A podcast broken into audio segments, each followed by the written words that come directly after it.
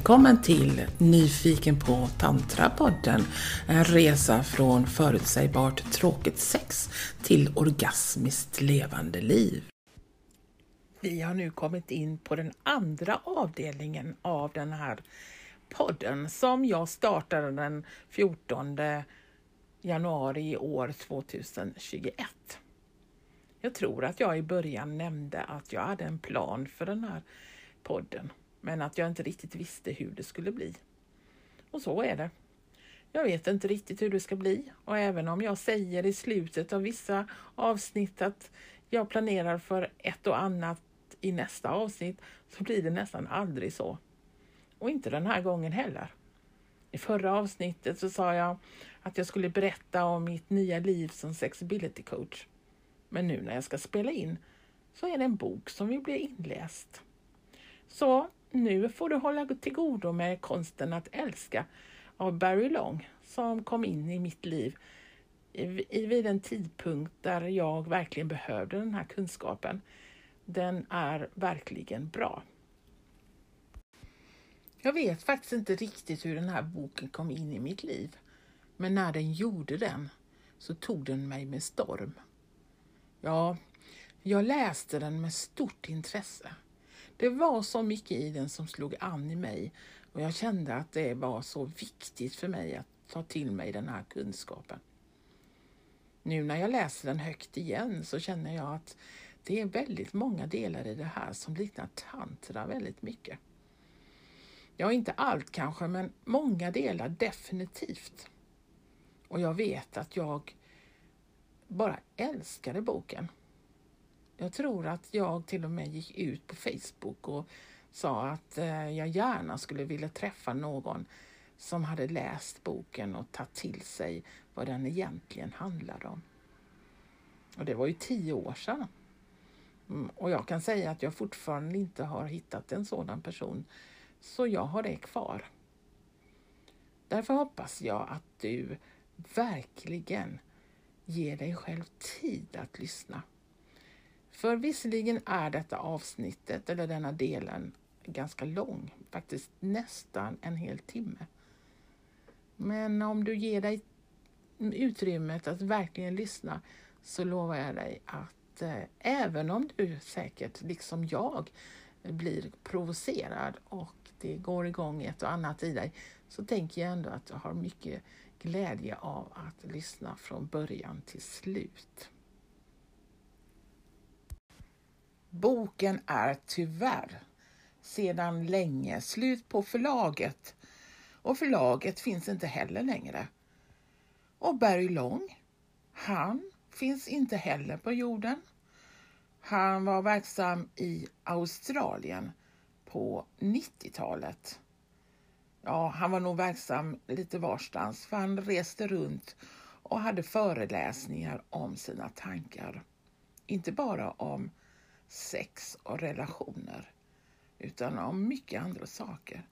Så du som är nyfiken, sök på Youtube. Författarens förord.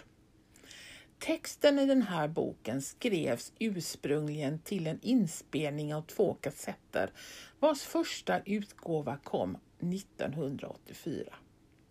Till den andra utgåvan 1995 gjorde jag vissa tillägg då min undervisning hade gått vidare på samma sätt som kärleken alltid går vidare. Kassetterna har varit till hjälp för tusentals män och kvinnor runt om i världen. Jag har förstått att de har kopierats och spritts i betydligt större omfattning än vad jag själv känner till. Trots att de används av många terapeuter har jag aldrig sammankopplats med någon annan lärare eller undervisning. Jag har ingenting att göra med någon annan sexuell undervisning än min egen. Jag har heller ingenting att göra med någon som undervisar i mitt namn eller som säger sig ha blivit inspirerad av mina band. Kassetterna och den här boken och nu också den här podden eller i alla fall det här poddavsnittet, är till för att den enskilda mannen och kvinnan ska kunna omsätta dem i praktik. Inte för att någon ska undervisa utifrån dem. En riktig lärare i kärlek utgår bara från sin egen inspiration och erfarenhet. Hur viktig kärleksakten än är i min undervisning är det inte det enda jag undervisar om. För att kunna älska på rätt sätt krävs en ärlig och äkta intention av att leva i sanning, också i alla andra aspekter av ditt liv. Det är till exempel nödvändigt att du ser till att få ordning på de yttre omständigheterna i ditt liv för att du är för om du är besvärad av någon relation eller situation är du också oförmögen att nå, nå den inre stillhet som den äkta kärleksakten kräver. Att älska handlar inte bara om den fysiska akten. Det handlar om att skapa sig en problemfri kärlek och ett problemfritt liv. Den här boken är en gedigen utgångspunkt för ett gudomligt kärleksliv mellan mannen och kvinnan. Använd den till att befria dig från sexuella begär och frustration.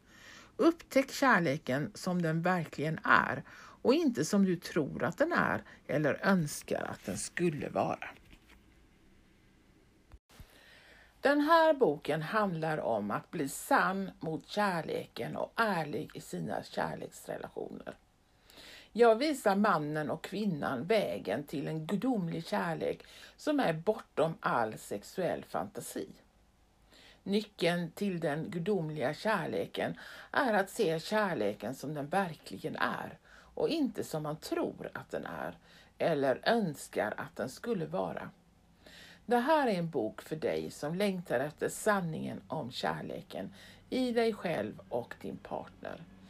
Genom att uppmärksamt ta till dig det jag kommer att berätta och sedan konsekvent och tålmodigt utöva det under de månader och år som följer kan du och din partner finna en sannare och mer gudomlig kärlek. Att lyckas är inte någon lätt uppgift. Ibland kan det till och med verka som ett helt omöjligt uppdrag. Men för varje gång du läser boken eller lyssnar på just detta avsnittet kommer du att påminnas om att din kärlek har ett syfte.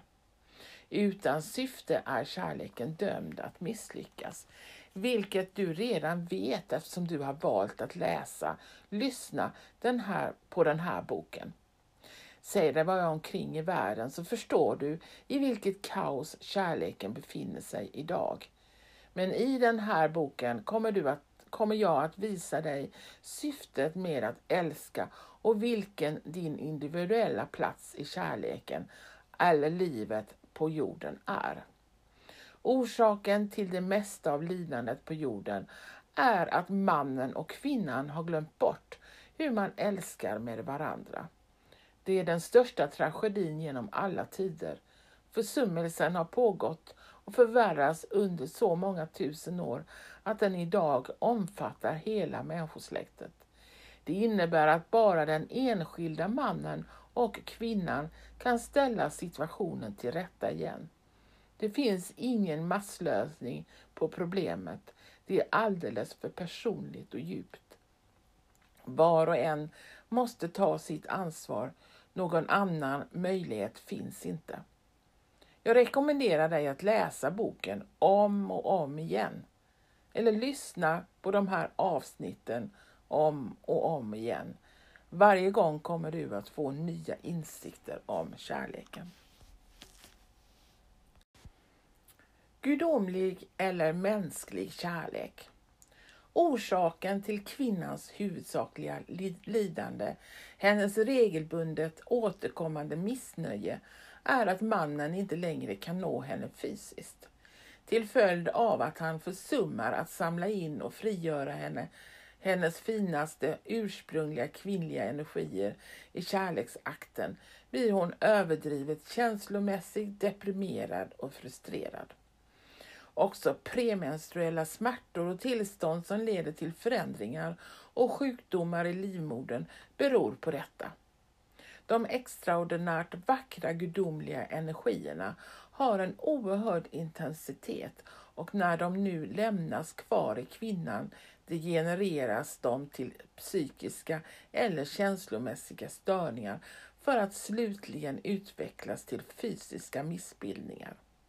I livmodern ges allting liv.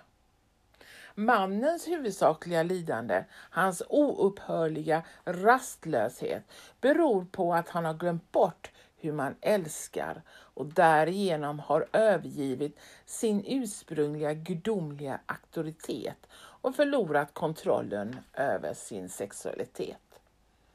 Hans känslomässiga eller psykiska degenerering yttrar sig genom sexfixering. Alla män utan undantag är sexfixerade.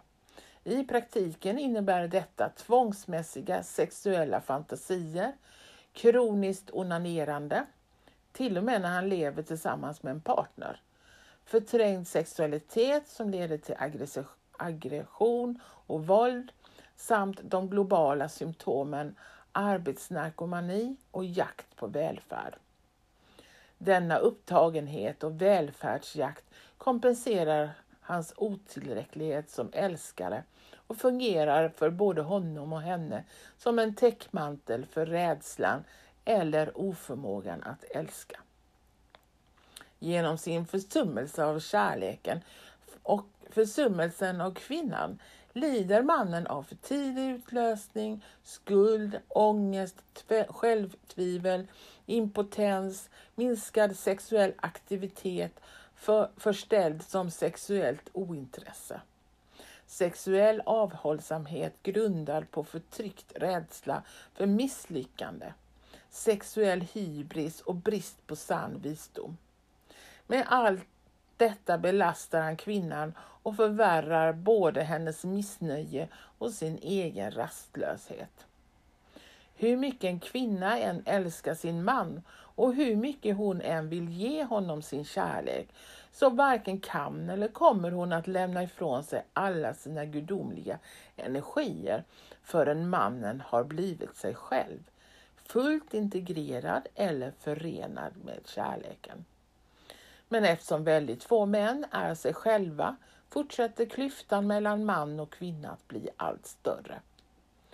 Hur blir man då en fullt integrerad man? Genom att i sin kropp assimilera de gudomliga kvinnliga energierna, de energier som kvinnan bara kan ge ifrån sig i den fysiska kärleksakten. Mannen måste vara tillräckligt mycket man han måste förmå att älska kvinnan tillräckligt mycket, det vill säga älska henne osjälviskt under själva kärleksakten. Han måste kunna absorbera tillräckligt mycket kärlek i sin kropp och uttrycka tillräckligt med kärlek genom den för, genom den för att nå hennes högsta del och älska tillräckligt mycket för att hämta de gudomliga energierna från hennes djupaste plats. Att fysiskt älska på detta sätt är mannens enda sanna auktoritet över kvinnan. Den auktoritet som han har förlorat. Det kräver ren kärlek och handlar inte om teknik. Mannen kan förvisso utveckla sin sexuella teknik, men vill han älska gudomligt har han ingen användning för sådan kunskap. Upphetsande fysiska sensationer och orgasmer må vara angenäma och ge honom en viss form av auktoritet. Men de är inte den kärlek som kvinnan längtar efter. Han kanske tillfredsställer henne på samma sätt som en god måltid skulle göra. Men snart kommer hon att hungra igen och börjar förr eller senare att förakta sin aptit eller sig själv eftersom hon vet att hon inte är älskad. Mannen har underlåtit att tjäna kärleken och underlåtit att fysiskt tjäna kvinnan som är kärleken personifierad. Hans straff är hennes tyranniska känslomässighet. När mannen älskar kvinnan eller försöker att älska kvinnan kommer hon en dag att chocka honom, skrämma honom, bringa honom helt ur fattning med att plötsligt visa sig vara hondjävulen, emotionernas levande demon. Hondjävulen visar sig när mannen har blivit fäst vid kvinnan och inte bara kan gå sin väg. Den man som inte har upplevt hondjävulens hat har ännu inte upplevt kärleken. Den kvinna som inte har sett sig själv vara hondjävulen har ännu inte kommit i kontakt med sin verkliga kärlek. För mannen är hondjävulen i kvinnan helvetet på jorden. Det är den delen av henne som han inte kan hantera. Han förstår den inte. Det är demonen från hans misslyckade försök att älska som kommer till liv för att håna, kränka och plåga honom.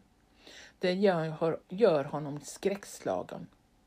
Genom att dominera och argumentera undviker han att bemöta den, men till slut, då både han och relationen har åldrats och han för husfridens skull ger upp, kommer hondjävulen att besegra honom och tvinga honom att ge upp sitt sista uns av manlighet och auktoritet. Sedan blir paret gamla tillsammans, trygga men halvdöda, hänvisade till varandra i en hopplös värld av kompromisser. Så länge världen fortsätter att vara som den är kommer hondjävulen inte låta mannen glömma bort att han har underlåtit att älska kvinnan på rätt sätt. Kvinnan måste bli älskad. Mänsklighetens framtid, framtid står och faller med att kvinnan blir älskad eftersom det bara är när kvinnan verkligen blir älskad som mannen verkligen kan vara sig själv och återfå sin förlorade auktoritet. Först och endast då kan fred återvända till jorden. Men som kvinnan är nu kan hon inte bli älskad för någon längre tid eller för gott av mannen som han är nu. De är tillsammans fångade i en ond cirkel och så länge de är hänvisade till sin egen föreställningar om kärleken finns ingen utväg för dem. Vid tidens begynnelse, när världen just hade skapats, var mannens och kvinnans tillstånd ett helt annat. Jämfört med universum eller jorden begynte tiden och världen för inte så länge sedan. Världen är inte jorden. Världen skapades av människan för ungefär 12 000 år sedan när man för första gången, gången identifierade sig med fysisk död. Då begynte tiden och med den en känsla av ett imorgon eller den kontinuitet som världen sedan grundades på. Innan dess hade det bara funnits det förflutna, vilket sträckt sig tillbaka till de allra första livsformerna. Och innan det, före livet på jorden, fanns det varken tid eller förflutet. Då fanns bara nuet, närvaron eller det tidlösa. Tid är inte något förlopp där saker och ting förbättras. Tid är det förlopp där saker och ting förvärras och saker och ting har blivit mycket värre för mannen och kvinnan och deras kärlek sedan de började leva med tid och glömde bort sig själva omkring 10 000 före Kristus. Du kanske tycker det här låter som en myt. Det är myt. Men inte i betydelsen saga eller fiktion. Det jag ska beskriva här är sanningen. Sann myt är det enda medel vi har kvar för att förmedla sanningen. Mannens och kvinnans ursprungliga tillstånd på jorden. Så var så öppen och stilla som du kan. Koppla bort ditt kritiska sinne medan jag i grova drag redogör för myten eller sanningen om mannen och kvinnan. Ditt eget ursprungliga tillstånd som du strävar efter att återta genom att älska och leva i tiden idag. För omkring 12 000 år sedan var mannens och kvinnans kroppar konstant omgivna av en enastående gyllene glora, gloria och, eller aura. Den strålade ut från solarplexus och inneslöt hela kroppen från huvudet och ner i marken, fullt synligt för ögat. Kvinnans aura var en något djupare gyllene färg än mannens, men bådas hade samma bländade, vackra, magnifika kvalitet. Kvinnan var ren kärlek, den stilla passiva polen i människans andliga kärlek på jorden. Mannen, den aktiva och positiva polen, var också kärlek, fast inte på samma sätt. Hans kärlek var ren auktoritet, den maskulina principen, beskyddaren av kärleken eller kvinnan på jorden. Han eller hans kärlek bar ansvaret för att upprätthålla den gyllene gudomliga kvaliteten hos kärleken mellan mannen och kvinnan. Skenet från deras ljusringar eller auror reflekterade hela tiden intensiteten och renheten i deras kärlek. Mannen och kvinnans fysiska kärleksakt var extatisk.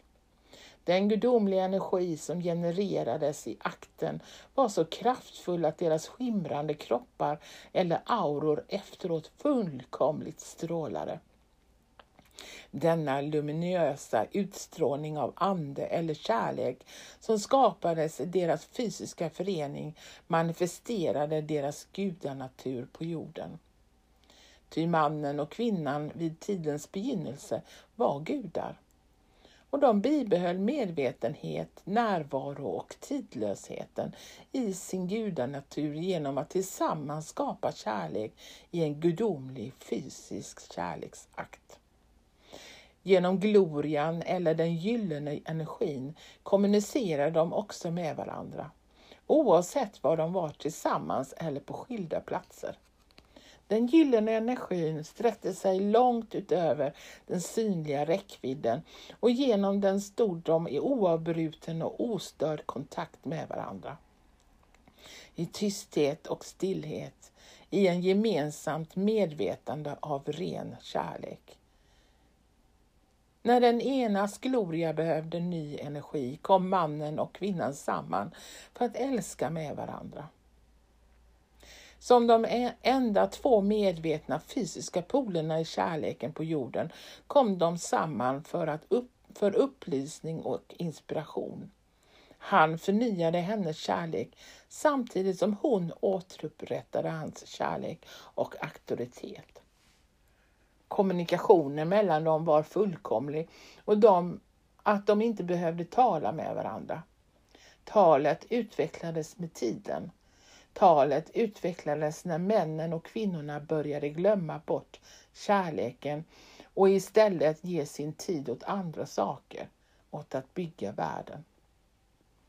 De glömde bort att vara sig själva hela tiden och eftersom de övergav den gudomliga fysiska kärleksakten miste de glorior, deras medvetande, sitt gyllene förbund med Gud. De tvingades börja tala med varandra över den klyfta som bredde ut sig mellan dem och ur avståndet i talet föddes missförstånd och emotioner. När tiden eller kärlekslösheten började tränga in i mannens och kvinnans kroppar ersatte talet kärlekens omedelbara, fullkomliga kommunikation. Ordförråden växte och blev större. Istället för att älska varandra så sa de jag älskar dig. Och det uppstod många verbala substitut för kärleken. Somliga kunde bibehålla glorians kraft lite längre än andra. Men ju mer tiden eller det förflutna växte i människorna, desto värre blev det. Inom några tusen år hade de flesta människor och kvin- hade de flesta män och kvinnor helt glömt bort hur man älskar och är kärlek.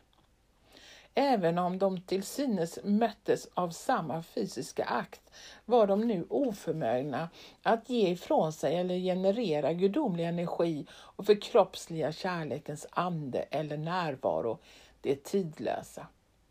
Deras kroppar var nu förbundna i tid och känslomässighet och inte längre i kärlek. Istället för att skapa ren kärlek skapar de känslomässiga, krävande kärlek Istället för att alstra upplysta barn alstrar de känslomässiga, beroende barn. Kvinnan var nu förvirrad och bar på en allmänt missnöje. Mannen som hade mist sin auktoritet blev otålig av kvinnans sätt och genom att söka efter substitut för den förlorade auktoriteten blev han allmänt upptagen och rastlös. I brist på sann auktoritet över kvinnan tog han till sin överlägsna fysiska och ekonomiska styrka för att tvinga henne till en underlägsen social position. Speciellt genom att utnyttja hennes kärlek till barnen. Detta gjorde henne så rasande att, då skapade, att det skapade hondjävulen som till tidens ände aldrig någonsin skulle glömma och, eller förlåta hans orättvisa och korrupta kärlek. Det mänskliga släktet var fött och med det dess kapplöpning med tiden. En del män och kvinnor hade genom ett medvetet avsäga sig all fysisk kärleksliv behållit en viss kontakt med den gudomliga kärleken inom sig. Dessa var mystikerna, helgonen och asketerna. De vände sitt fokus inåt och älskade de gudomliga energierna i sina egna kroppar. Genom att vägra att förena sig med andra kroppar, vilket nu var fyllda med tid och känslor i form av missnöje och rastlöshet, höll de sig förhållandevis rena. Men jämfört med deras fulla ursprungliga strålglans var det en blek och ensidig renhet. Att förneka det jordiska behovet av förening med det motsatta könet gjorde det helgonlika alternativet, trots dess stora hängivenhet och idealism, principiellt exklusivt, onaturligt och själviskt och resulterade följaktningen i ofullkomliga och endast delvis gudomliga män och kvinnor. Situationen fortsatte att förvärras och lämnade tydliga spår i människornas auror och glorior som gradvis förminskade i både storlek och ljus för att till slut krympa till små cirklar runt deras huvuden. Detta kan vi idag se avbildad i äldre målningar och ikoner, i synnerhet de med motiv av kristna helgon. De förkrympta minigloriorna visar tydligt hur inskränkt och formell kärleken på jorden hade blivit. När människorna hade utstängt sina kroppar från den gudomliga föreningen med det motsatta könet och istället förlagt kärleken till sinnets abstraktioner och tänkande förminskades glorian så att den bara inneslöt huvudet och i bästa fall överkroppen. Mystikernas införande av celibat blev en stor tragedi för hela människosläktet. Om de hade handlat mindre själviskt kanske de istället kunnat rädda världen. Kanske vill någon invända med att de inte hade något annat val i den tid som stormade in över dem, att de på sitt sätt åtminstone lyckades bibehålla något av den rena gudomliga kärleken på jorden, ända tills allt vad, vad helgon hette också försvann under tidens intrång. Men sanningen är att de inte älskade tillräckligt mycket. De älskade inte sina medmänniskor med tillräckligt gyllene intensitet för att genom samlag träda in i det gudomliga sinnet i sina egna kroppar. Att som vägledare eller föredöme använda sig av den fysiska kärleksakten var en alltför stor självuppoffring för dem. Trots sin gudomliga kärlek hade mystikerna och helgonen precis som resten av människosläktet överhopats av tiden och helt glömt bort hur man älskar. Men de insåg inte det själva. De var dessutom väldigt känslomässiga över det och gjorde till och med sina glömska till en dygd. Det ser man tydligast när den kristna kyrkan gör sin entré. Förvirrade och ansatta av skuld fördömde de kristna helgonen med outtröttlig passion den fysiska kärleksakten. Precis som folkmassan som ropat korsfäst honom fördömde de den kärlek som de fruktade och inte förstod. Eller så förblev de avvaktande. trots deras medlidande och engagemang i människornas yttre lidande, fattigdom, sjukdom och våld, undvik dem allt det mest centrala ämnet, den fysiska kärleken. Orsaken till det mesta av lidandet på jorden, också deras eget. Till och med Jesus, om vi ska tro hans präster, undvik undvek ämnet fullkomligt och lämnade inte ett enda ord av vägledning efter sig till alla män och kvinnor vars absolut främsta intresse då som nu var att försöka älska med varandra. Genom att låta sexualiteten lysa med sin frånvaro i sin undervisning har Messias en hel del att stå till svars för, om vi ska tro hans präster och uttolkare. De helgonlikna männen och kvinnorna har belastat hela västvärlden med sina vedervärdiga skuldkänslor och idéer om fysisk kärlek är en synd man hamnar i helvetet för. Hur många miljoner oskuldsfulla pojkar, flickor, män och kvinnor har lidit alla helvetes kval på jorden i sin sexuella skuld. Hur många gör det inte fortfarande, tack vare de kristna helgonens brist på mod att älska? Gud, gör mig celibat, men inte idag, bad den helige Augustinus. Varför bad han inte Gud att visa honom varför han älskade kvinnan så mycket att han inte kunde hålla sig borta från henne istället för att be om ett intellektuellt ideal som inte var sant? Så de kristna, de avhållsamma munkarna, helgonen, asketerna och andra anhängare av olika religioner vände ryggen åt den fysiska kärleken för att hålla sig fläckfria. Fria från den lort där de vanliga männen och kvinnorna levde i sina kärleksrelationer. Det räcker med Gud, sa de. Men är det sant? Om man inte är ett helgon, är det sant för dig? Eller längtar du efter att älska? Anar du någonting gudomligt, rent och gudalikt i kärleksakten? Något du bara måste finna. Kärleken behövs här på jorden och den mellan dig och mig och mannen och kvinnan. Vi kan inte blunda för verkligheten om kärleken på jorden och förlägga den till någon annan plats, någon himmel någonstans. Gud behöver inte kärleken. Gud är källan till kärleken. Och Gud hjälp, hjälper dig om du vill överge mannen och kvinnan och fly till Gud i din kärlek. Du kommer aldrig att bli fullkomlig. Mannen och kvinnan behöver kärlekens Gud mitt i sin verklighet här på jorden och inte någonstans där de inte är. Och kärleken ändå redan finns. Bara du och jag tillsammans kan skapa den kärleken, skapa Gud här. Det är brist på kärlek och bristen på Gud mellan oss som för världen mot sin egen förintelse. Var finns ursprunget till all kärlek på jorden? Också kärleken till Gud, om inte i kärleksakten. Är inte alla människor, också de så kallade överjordiska, komna ur kärleksakten?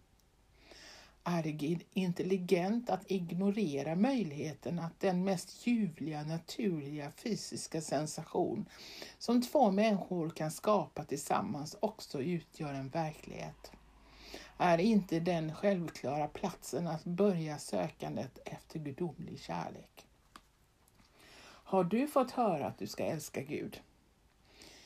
Ingen kan tvinga sig att älska Gud hur man älskar om man inte älskar. Vad skulle du säga om jag sa var hungrig och du inte var hungrig? Eller du kanske har fått höra att du ska älska alla. Hur kan man älska alla? Kan du verkligen det? Är alla så älskvärda? Älskar du verkligen din fiende? Har du sagt till dina barn idag att du ska älska de som mobbar dem? Se själv nästa gång någon behandlar dig illa, om du älskar honom eller henne. Låt oss vara uppriktiga. Låt oss vara ärliga mot oss själva. Visst skulle vi vilja älska varenda människa, men kan vi åtminstone börja med våra, vår partner, Du kanske säger så här. Man ska älska alla människor trots ens benägenhet till motsatsen. Det är utmaningen.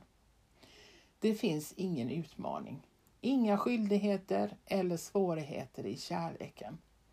Alla att göra kärleken till ett uppdrag och försöka älska är att följa den skamfyllda, skuldbelagda, verklighetsfrämmande vägen. Men det är inte vägen till kärleken. Vägen till kärleken går genom kärleksakten.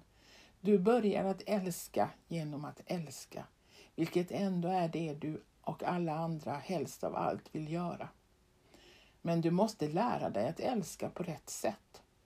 Det betyder att älska utan självisk hängivelse och utan att eftersträva känslomässig tillfredsställelse och självisk njutning.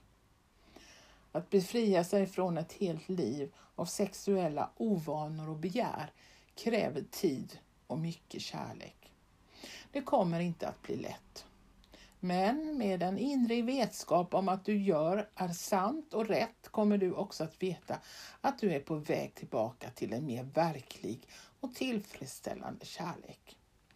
När du till slut har lärt dig att älska på rätt sätt i kärleksakten och börjat återerövra den, din gyllene gloria kommer du också att se att du kan älska din nästa och att du kan älska Gud. Kvinnan har lärt sig hur man älskar av mannen som inte vet hur man älskar. Därav den hopplösa röran som kärleken nu befinner sig i. Sedan tidernas begynnelse har kvinnan manipulerats och uppmuntrats att tro att det främsta uttrycket för hennes kärlek är att tillfredsställa mannen sexuellt. Sanningen är det rakt motsatta. Det främsta uttrycket för kärlek är när mannen ger kvinnan sexuell njutning. Det kan han göra först när han kan glömma bort sin fixering på orgasmen och vara tillräckligt osjälvisk eller närvarande i kärleken för att inhämta och ta emot hennes gudomliga energier. Dessa är för honom det främsta uttrycket för hennes kärlek. Genom att lära kvinnan att tillfredsställa honom sexuellt har mannen med tiden lärt henne att åtrå honom och projicera sig själv sexuellt för att göra sig upphetsande i hans ögon. Genom att underlåta att älska henne gjorde han henne känslomässigt och fysiskt beroende av hans sexuella uppvaktning. När ingen man fanns för att älska kvinnan på rätt sätt hade hon inte längre någon bekräftelse på kärleken, sin sanna natur, så hon nöjde sig med den sexuella upphetsningen som männen tilltalade henne var kärlek. De intalade henne att det fann, inte fanns något syfte med fysisk kärlek annat än barnalstring och självisk njutning. I sin själviskhet lärde mannen kvinnan att bli självisk. Han lärde henne att hetsa upp honom fysiskt, att med kläder, make-up, dans, posering pro projicera sig sexuellt för deras gemensamma nöjes skull. Och han uppmuntrade henne att låta honom hetsa henne och sig själv till, till orgasm genom att fingra på hennes klitoris istället för att älska skönheten hos hela hennes väsen. 6. Den kärlekslösa drogen dövade henne och alstrade som allt beroende rädsla. Rädsla för att förlora honom eller hans uppmärksamhet och rädsla för andra kvinnors uttryck som svartsjuka och kvinnlig konkurrens. Om inte hon tillfredsställde honom skulle snart någon annan kvinna göra det. Och med detta följde den förtryckande tanken som varje älskare skulle komma att plantera i henne. Om hon inte fogade sig skulle hon bli lämnad ensam. Som en reaktion på denna manliga vanheder upptäckte kvinnan skötets makt makten att manipulera mannen och fresta honom utan att låta honom smaka på godsakerna. Eller också neka honom dem när han ville ha dem. Men förtrollningen hos skötets makt var till största delen inbillad och försvann snart efter att han, hon låtit mannen komma in i henne. Han skulle snart tröttna och ge sig iväg med nästa kvinna. Kvinnans undermedvetna beroende av sexuell uppmärksamhet från män styr hennes val av partner. Hon kan söka sig antingen till en spännande man som hon tror sig kunna kontrollera eller till en medgörlig och trygg partner som hon stillsamt kan forma efter sina behov. Bägge sorternas förhållande tar vanligtvis slut i katastrof eller leda eller likgiltighet. Kvinnan har lärt sig hur man älskar av mannen som inte vet hur man älskar. Därav den hopplösa röra som kärleken nu befinner sig i. Sedan tidernas begynnelse har kvinnan manipulerats och uppmuntrats att tro att det främsta uttrycket för hennes kärlek är att tillfredsställa mannen sexuellt. Sanningen är det rakt motsatta. Det främsta uttrycket för kärlek är när mannen ger kvinnan sexuell njutning. Det kan, kan han göra först när han kan glömma bort sin fixering på orgasmen och vara tillräckligt osjälvisk eller närvarande i kärleken för att inhämta och ta emot hennes gudomliga energier. Dessa är för honom det främsta uttrycket för hennes kärlek. Genom att lära kvinnan att tillfredsställa honom sexuellt har mannen med tiden lärt henne att åtrå honom och projicera sig själv sexuellt för att göra sig upphetsande i hans ögon. Genom att underlåta att älska henne gjorde han henne känslomässigt och fysiskt beroende av hans sexuella uppfattning. När ingen man fanns för att älska kvinnan på rätt sätt hade hon inte längre någon bekräftelse på kärleken, sin sanna natur, så hon nöjde sig med den sexuella upphetsning som männen intalade henne var kärlek. De intalade henne att det inte fanns något syfte med fysisk kärlek annat än barnaalstring och självisk njutning. I sin själviskhet lärde mannen kvinnan att bli självisk. Han lärde henne att hetsa upp honom fysiskt, att med kläder, make-up, dans, posering projicera sig sexuellt för deras gemensamma nöjes skull. Och han uppmuntrade henne att låta honom hetsa henne och sig själv till orgasm genom att fingra på hennes klitoris istället för att älska skönheten hos hela hennes väsen. Sex, den kärlekslösa drogen, dövade henne och alstrade som allt beroende rädsla. Rädsla för att förlora honom eller hans uppmärksamhet och rädsla för att andra kvinnor uttryckt som svartsjuka och kvinnlig konkurrens. Om inte hon tillfredsställde honom skulle snart någon annan kvinna göra det och med detta följde den förtryckande tanke som varje älskare skulle komma att plantera i henne. Att, hon inte, att om hon inte fogade sig skulle hon bli lämnad ensam. Som en reaktion på denna manliga vanheder upptäckte kvinnan skötets makt. Makten att manipulera mannen och fresta honom utan att låta honom smaka på godsakerna eller också neka honom dem när han ville ha dem. Men förtrollningen var, hos skötets makt var den största delen inbillad och försvann snart efter att hon låtit mannen komma in i henne. Han skulle snart tröttna och ge sig iväg med nästa kvinna. Kvinnans undermedvetna beroende av sexuell uppmärksamhet från män styr hennes val av partner. Hon kan söka sig antingen till en spännande man som hon tror sig kunna kontrollera eller till en medgörlig och trygg partner som hon stillsamt kan forma efter sina behov. Bägge sorternas förhållanden tar vanligtvis slut i katastrof eller leda eller likgiltighet. Den manliga sexualiteten kommer in i kvinnan genom samlaget dess faktiska substanser stannar kvar i henne och yttrar sig som en periodiskt återkommande aning av depression som hon inte kan förklara men accepterar som normal. Den hämmar hennes perception, gör henne känslomässig och får henne att känna att hon inte är sig själv. Samma manliga sexualitet är källan till den aktiva, offensiva och själviska kraft som har gjort världen till den våldsamma och kärlekslösa plats den är. I kvinnan influerar denna destruktiva skugga av mannen hennes val av partner och därför väljer hon också sällan den rätte. Den manliga skuggan i henne är tvivel och det är skuggan som gör hennes val. Så länge kvinnan vill ha rätten att välja måste hon också göra sitt val. Och sedan måste hon leva med skuggan, tvivlet, i mannen och i sig, i sig själv. I sitt naturliga tillstånd är kvinnan inte beroende av mannen.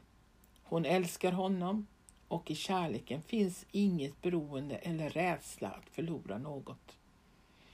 Kvinnan är den passiva, tilldragande polen, en oemotståndlig levande magnet. Hon drar till sig den man som älskar henne verkligt och gudomligt. Hon gör inga val. Det tar tid för kvinnan i vår tid att återvända till sitt naturliga gyllene tillstånd, den rena kärleken.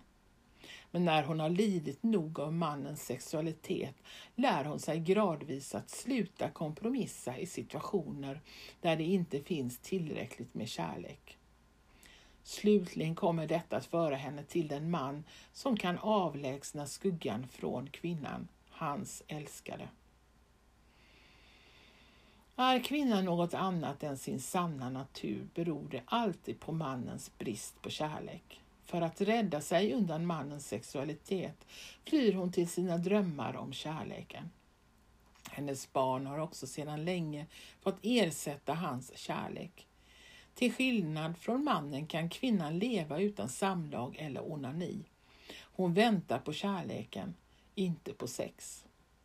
Kvinnan har begär efter mannen bara när hon identifierar sig med den manliga sexualiteten som han har förorsakat henne. Nymfomani är ett manligt påfund, en manligt projicerad fantasi, liksom sexbutiker, pornografi och prostitution. Allt iscensatt av manlig sexualitet och brist på kärlek hos alla inblandade. Kvinnan har blivit grundligt lurad av mannen, patologiskt hjärntvättad och när hon idag gratulerar sig själv till sina framgångar med att minska den manliga dominansen i världen ser hon inte att hon är lika fången som någonsin förr i mannens orgasmfixerade sexualitet med fokus på klitoris istället för kärlek. Hennes protester handlar egentligen inte om jämlikhet utan om kärlek men det hörs inte genom sålet på den manliga arenan. Det är mannens värld och han bygger den på styrkan i sin sexuella aggression. Den manliga dominansen begynte i sex och genom sex fortsätter den att dominera med oförminskad styrka. Kvinnan kan inte förändra något genom att marschera med fanor eller dra sig undan från sex. Hon har försökt med alla medel hon under decennierna haft tillgång till. Men ingenting har hjälpt och inget kommer att hjälpa. Problemet kan inte längre lösas personligt eller socialt. Endast ett medvetet större är, är än personen, ett gudomligt ingripande kan göra det. Låt mig fråga dig som är kvinna. Har du egentligen någon idé om hur du ska kunna bli fri från den manliga sexuella dominansen? Hur du ska få riktig kärlek i ditt liv igen? Någon idé om hur du och din partner kan lära er att älska med varandra på riktigt och bokstavligen göra kärleken så verklig att ni tillsammans faktiskt skapar den värld och bygger vidare på den så länge ni är tillsammans. Har du det? Om du har ett svar på detta så säg det nu. Säg det högt eller till någon annan innan jag talar om för dig. In, eller innan du frestas att kommentera mitt svar med att säga att det visste du hela tiden. Oavsett vad du har svaret, vad du har svaret vill jag be dig att ge upp det. Vill du finna kärleken måste du ge upp alla dina förutfattade meningar. Det enda sättet att älska är att vara tillgänglig för det nya, nu. Nu till både mannen och kvinnan. Om du vill införa kärlek i ditt sexuella liv kommer du att behöva ny energi. Denna energi börjar med ärlighet. Ärlighet mot dig själv och ärlighet mot livet. Här är tre saker du kan göra för att förvärva den nödvändiga energin. Säg till dig själv att ditt kärleksliv inte är tillräckligt bra. Du måste uttrycka detta. Säg det högt. Du behöver höra dig själv säga det för att på ett på intet sätt kunna smita undan, inte tillåta några psykologiska flyktvägar. Det räcker inte att bara veta det inuti. Det är så kärleken mellan älskare dör. De tror att det är tillräckligt att veta inom sig att de älskar och inte längre säga det. När det, är väl, när det väl är för sent gråter och skriker de ut sin kärlek, men dörren är redan stängd. Huset är tomt. Säg det nu så att hela din varelse får höra det.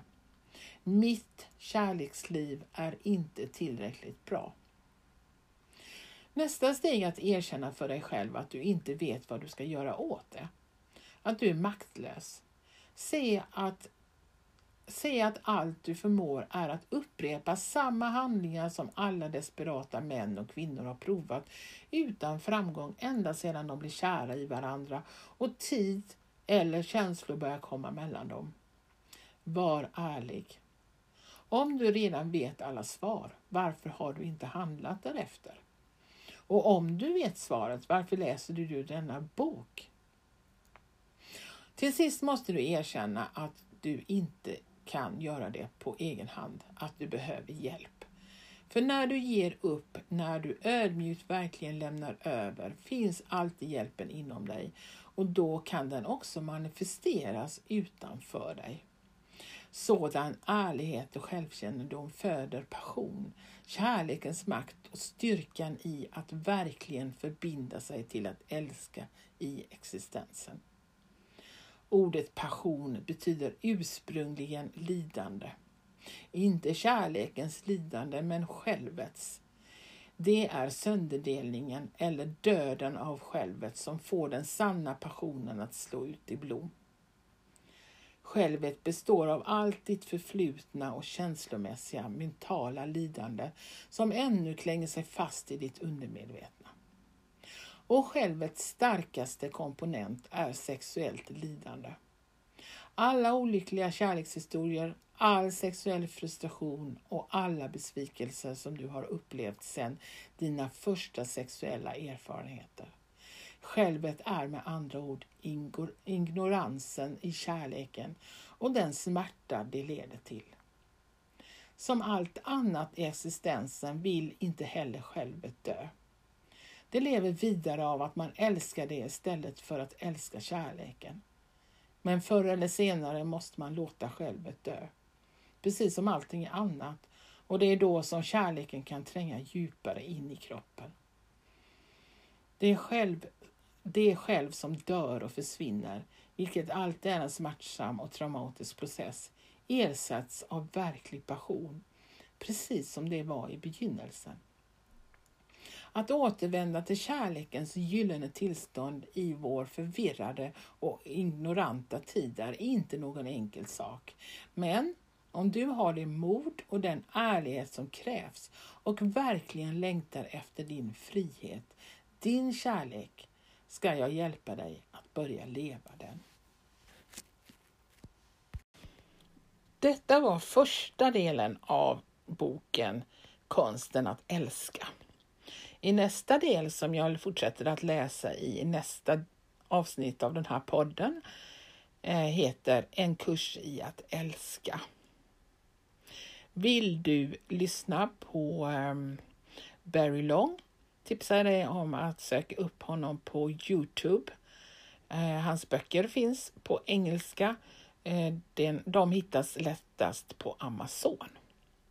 Så tills vi hörs nästa gång så får du ha en fin vecka.